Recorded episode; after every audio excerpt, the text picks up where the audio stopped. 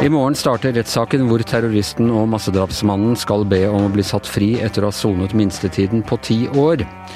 Og TV 2 hyrer David Toska som sjakkekspert. Det vekker også sterke reaksjoner. Dette er evra gjengen. Det er mandag den 17. januar.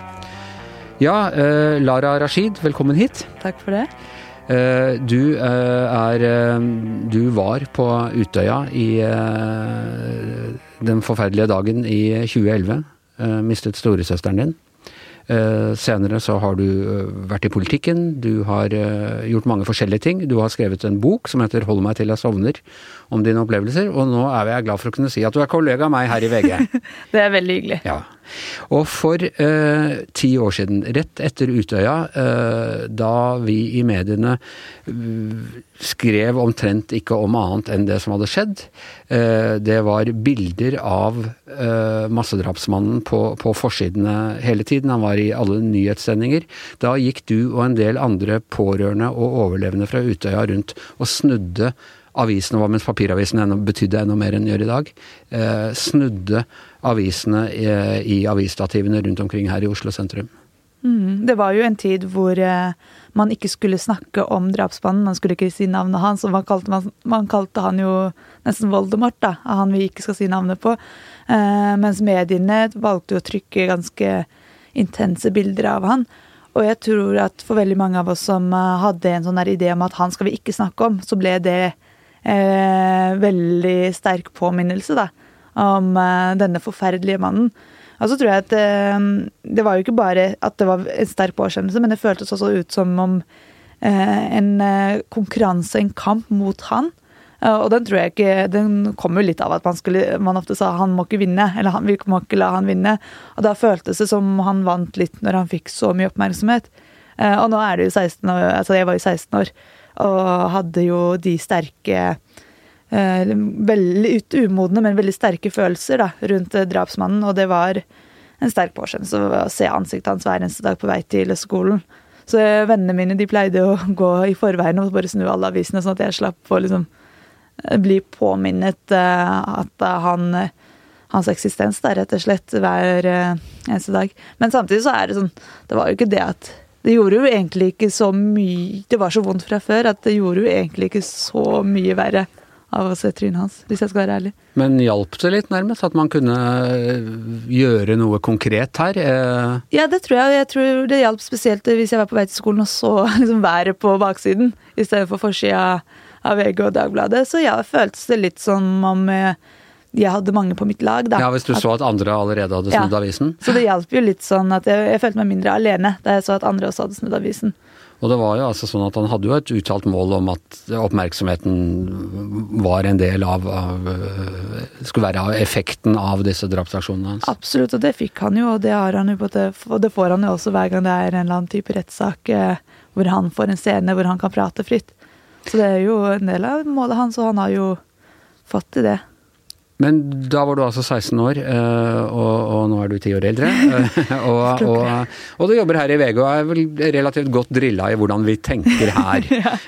og hvordan vi hele tiden forsvarer oss med ja, dette må være, det må være offentlig, det må være gjennomsiktig. Ja, av og til så gjør det vondt, men, men vi, vi kan ikke tie i hjel osv. Kjøper du mer av den argumentasjonen nå? Ja, men det tror jeg ikke bare handler om å jobbe i VG, men jeg tror veldig mange av oss eh, etterlatte og overlevende eh, satt igjen med en frykt ti år senere om at eh, det kommer til å bli glemt.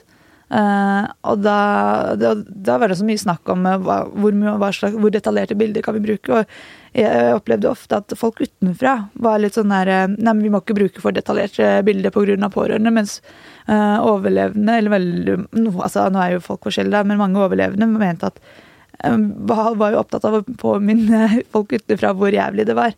Så jeg tror det handler også om en frykt for at ting skal bli glemt, og derfor må det også snakkes om.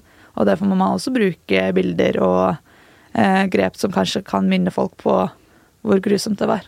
Det var jo to andre runder òg, i 2016 og 2017 var det, var det vel, da han hadde, hadde stevnet Norge inn for eh, europeiske menneskerettighetsdomstolen pga. soningsforholdene. Og da var det igjen bilder og, og sånn. Hvordan, hvordan opplevde du det den gangen? Jeg husker første gang da han anmeldte Norge for soningsforholdene, så jeg husker jeg kjente meg skikkelig tråkket på. Og jeg hadde jo det begrepet fordi jeg hater egentlig den følelsen av å bli tråkket på. Men jeg følte, følte meg skikkelig sånn For da hadde på en måte rosetogene visnet, og folk hadde gått videre. Og jeg opplevde altså at veldig mange rundt meg begynte å forvente at jeg skulle gå videre. Um, ved å si ting som at ja, nå kan ikke vi gjøre Altså, nå kan ikke du få særbehandling lenger.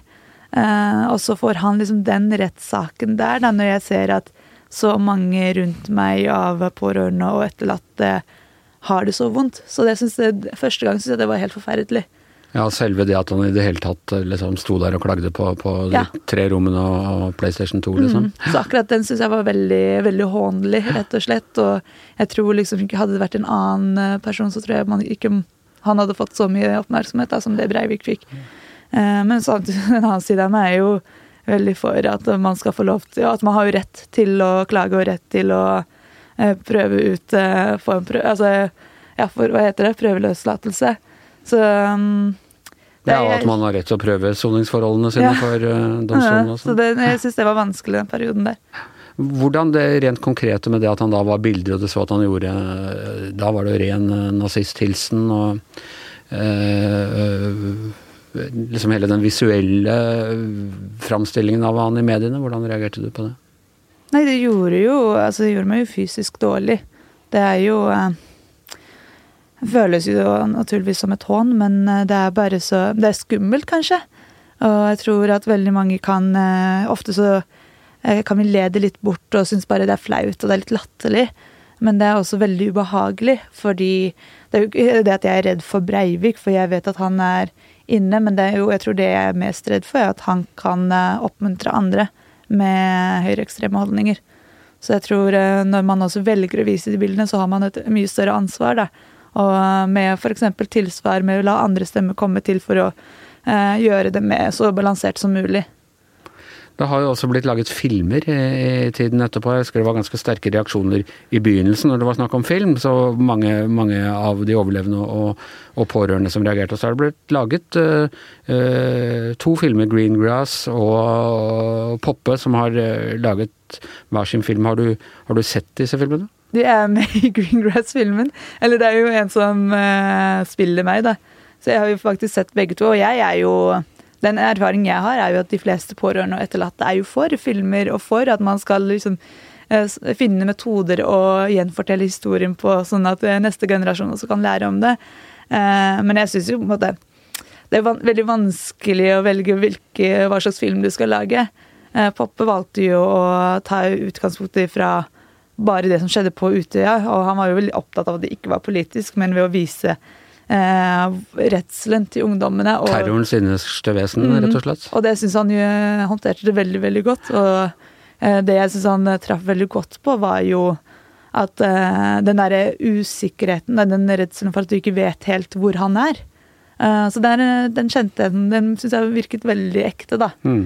Mm, og så er det jo mange som så mye verre ting enn det jeg så, som var sånn Nei, men det var for lite blodig.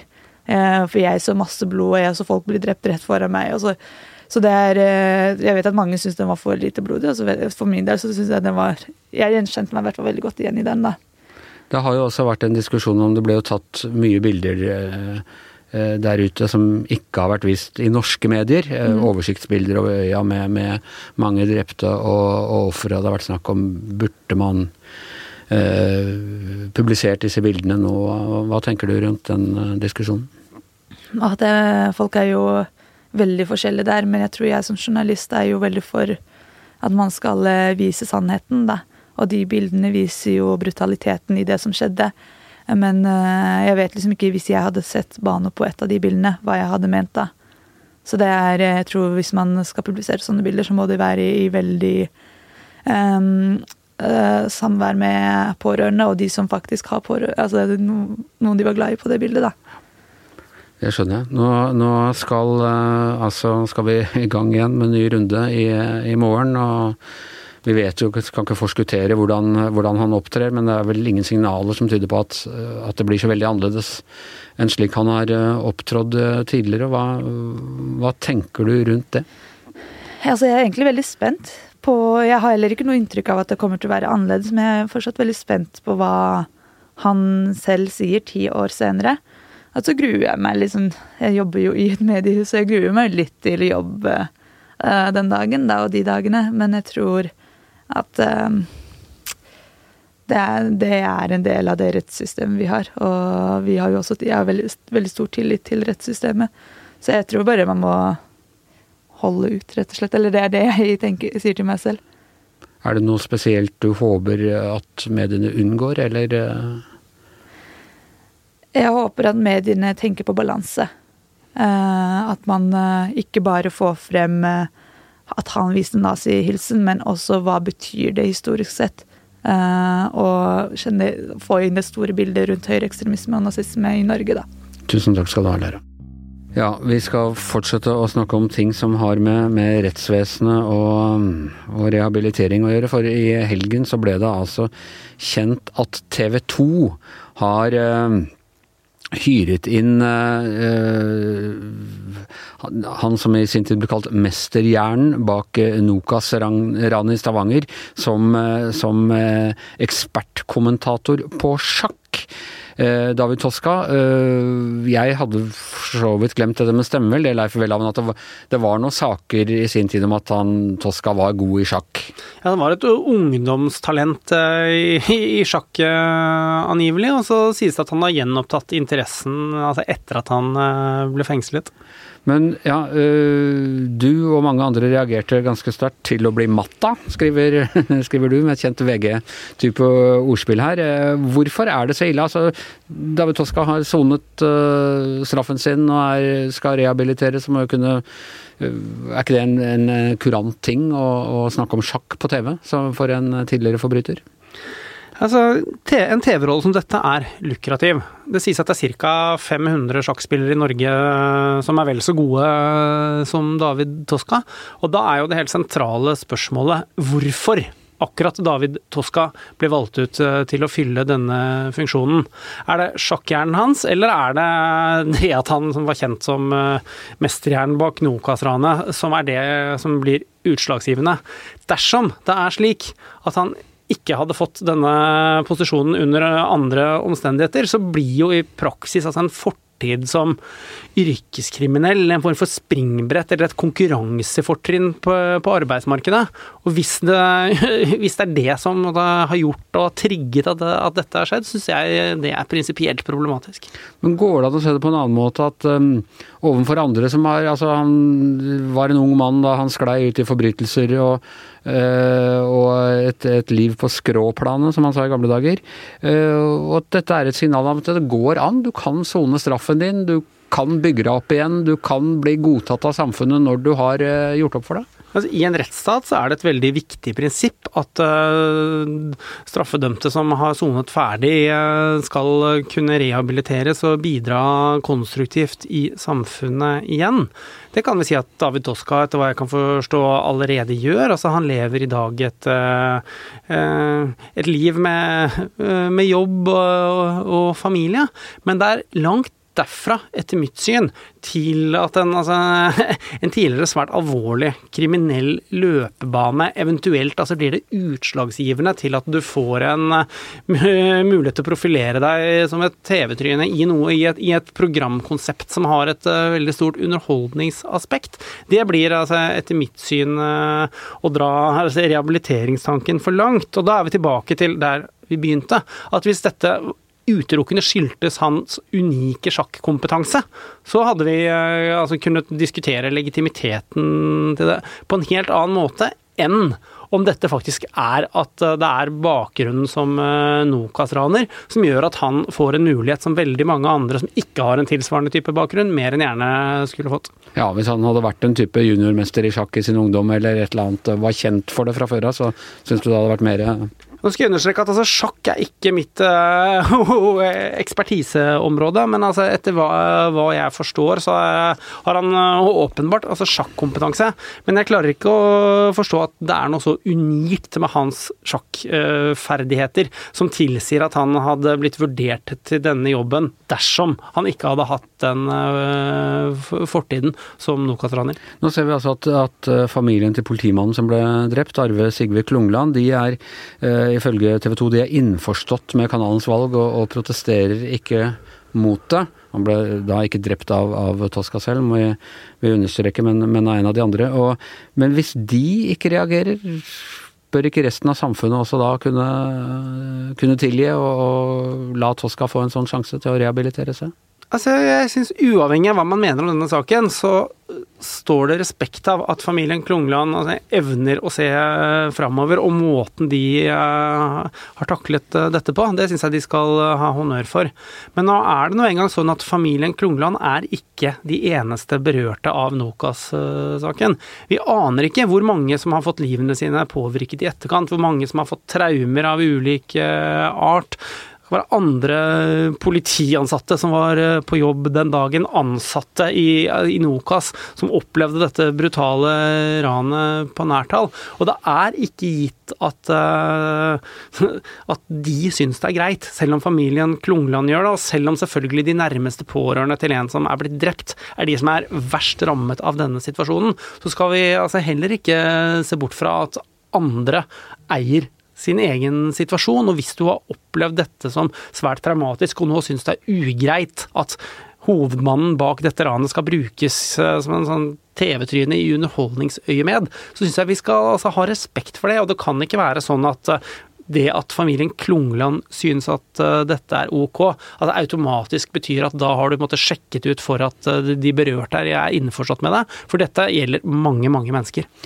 Nå har jeg bare sett sosiale medier stort sett og litt eh, kommentarer à la din. Jeg har ikke klart å få med meg noen som har vært positivt innstilt og sagt at ja, det var en kjempeidé, eh, dette gleder jeg meg til. Alle reaksjoner jeg har fått med, eh, har, ser ut til å være negative. Tror du TV 2 kommer til å snu? Vanskelig for å se for meg det når man først har gått til det skrittet å offentliggjøre, offentliggjøre, det på den måten de gjorde.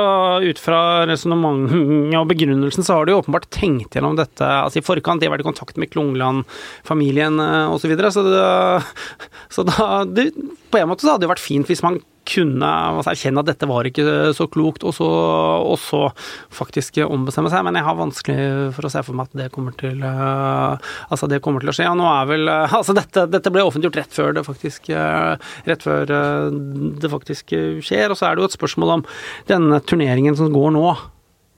Tata Stil, eller hva det heter. Altså om det blir det eneste innslaget, eller om han er tenkt i en mer langsiktig rolle. Der var vel TV 2 sportsredaktør litt diffus. Men sånn sett så har jo skaden allerede skjedd ved at man velger, eh, velger å, å, gå til dette skrittet. Jeg må innrømme at jeg har såpass mye sensasjonslyst i meg at jeg er vanligvis ikke interessert i sjakk, men jeg fikk jo litt lyst til å se åssen han funker som, eh, som sjakkommentator. Kommer du til å se på det? Altså, jeg kommer ikke til å se på det av flere, av, av flere, grunner, men jeg tror nok at mange tenker eh, i, i, samme baner som du gjør, og jeg blir ikke overrasket om TV-tallene med David Toska i studio kommer til eh, å slå positivt ut for eh, TV 2. Men da er vi jo tilbake til om er det denne måten man ønsker å ha suksess i, i, altså i TV-kampen på. Så vidt jeg kan forstå, så snakker vi ikke her om noe brudd på Vær varsom-plakaten, eller noe som er PFU-mat, eller, no, altså, eller, noe i den dur. Det handler litt om mer etikk. Det er mer snakk om altså, etikk i den mer tradisjonelle bruken av ordet, og hva som er takt praktfullt og, så, og, musikalsk, og hva som måtte høre hjemme i, i, i, kriminalitetens verden, og hva som hører hjemme i sporten og, og underholdningsverden. Og her krysser man noe på en måte som jeg har litt vanskelig for å skjønne at det er spesielt klokt. Ja, nei, Det åpner jo for mange ideer om Maskorama litt av hvert. Du har jo det er et stort behov for kjendiser til alle mulige typer type greier. Så hvis man på en måte åpne for at forbrytelser er en, en kjendisforbrytelse er en slags kjendisstatue, herostratisk berømmelse, det også. så Altså Hvis det at du har en kriminell fortid er det som gjør at du er et kjent ansikt, så er det prinsipielt problematisk hvis det skal altså bli et springbrett til uh, underholdningsmuligheter i livet som du aldri hadde vært i nærheten av uh, ellers. Jeg ser jo nå at en av de store sponsorene, et uh, inkassobyrå, trekker støtten. Det er hvis inkassobransjen føler at de får et dårlig renommé av deg, da er det ganske ille. Ja, I inkassobransjen er det moralens store ridder i denne saken, så er jo, det et, er jo det et interessant aspekt, i hvert fall. Ja. Ok, tusen takk skal du ha, Leif Welhaven. Vi er eh, ferdig for i dag. Tusen takk til Lara Rashid. Tusen takk til Leif Welhaven. Jeg heter Anders Giæver, og vår produsent heter Magne Antonsen.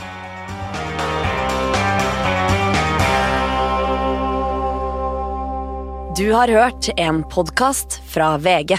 Ansvarlig redaktør, Gard Steiro.